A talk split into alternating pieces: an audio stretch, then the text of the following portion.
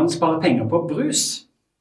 Hei, jeg er Gjerknakken Rune fra gjerknatt.com, og i dag skal jeg snakke litt om noe så hverdagslig som brus.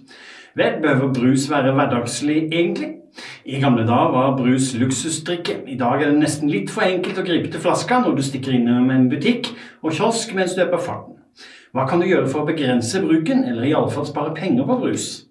En gjerdeknakk drikker vann fra springen, og ferdig med det, tenker du sikkert.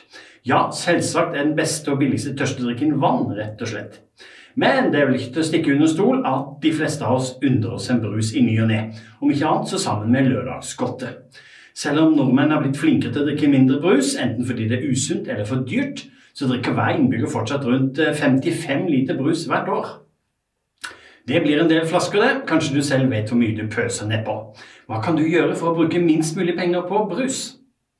Tips 1. Slutt med brus hvis mulig. Den beste måten å spare penger på er selvfølgelig å slutte å drikke brus. Vann er billigere og sunnere, hvis du ikke visste det fra før av. Tips 2. Prøv å halvere forbruket. Hvis du ikke kan slutte helt å drikke brus, bør du iallfall prøve å halvere bruket til deg sjøl og familien din. Det vil hjelpe mye. Husk at man ikke drikker mer enn man faktisk har på lager. Tips 3. Lag avtale om når det er greit å drikke brus. Inngå avtale med de andre i husholdningen din om at dere bare drikker brus på f.eks. lørdager. Tips 4. Kjøp på tilbud. Tilbud på brus varierer mye, men det kan virke som om Coca-Cola og Pepsi-produkter skifter på å ha salg. Så enten bør du handle mye når det er på tilbud, eller variere mellom merkene avhengig av hva som er på tilbud. Mange kjeder har tilbud om du kjøper flere flasker på en gang, men husk at dette ikke er noe for deg om du ikke klarer å holde deg unna brusen du har hjemme. Tips 5. Hold deg til store flasker. Ja, faktisk. Mindre flasker er som oftest dyrere, så du bør unngå å kjøpe det. Hold deg til de store flaskene. Tips 6. Kjøp kjedenes egne merker.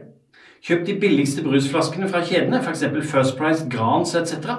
Dersom du har merkeavhengige barn, æsj, får du heller fylle innholdet over i originalflasken til Coca-Cola, Fanta osv. når ungene skal få sin lørdagskos.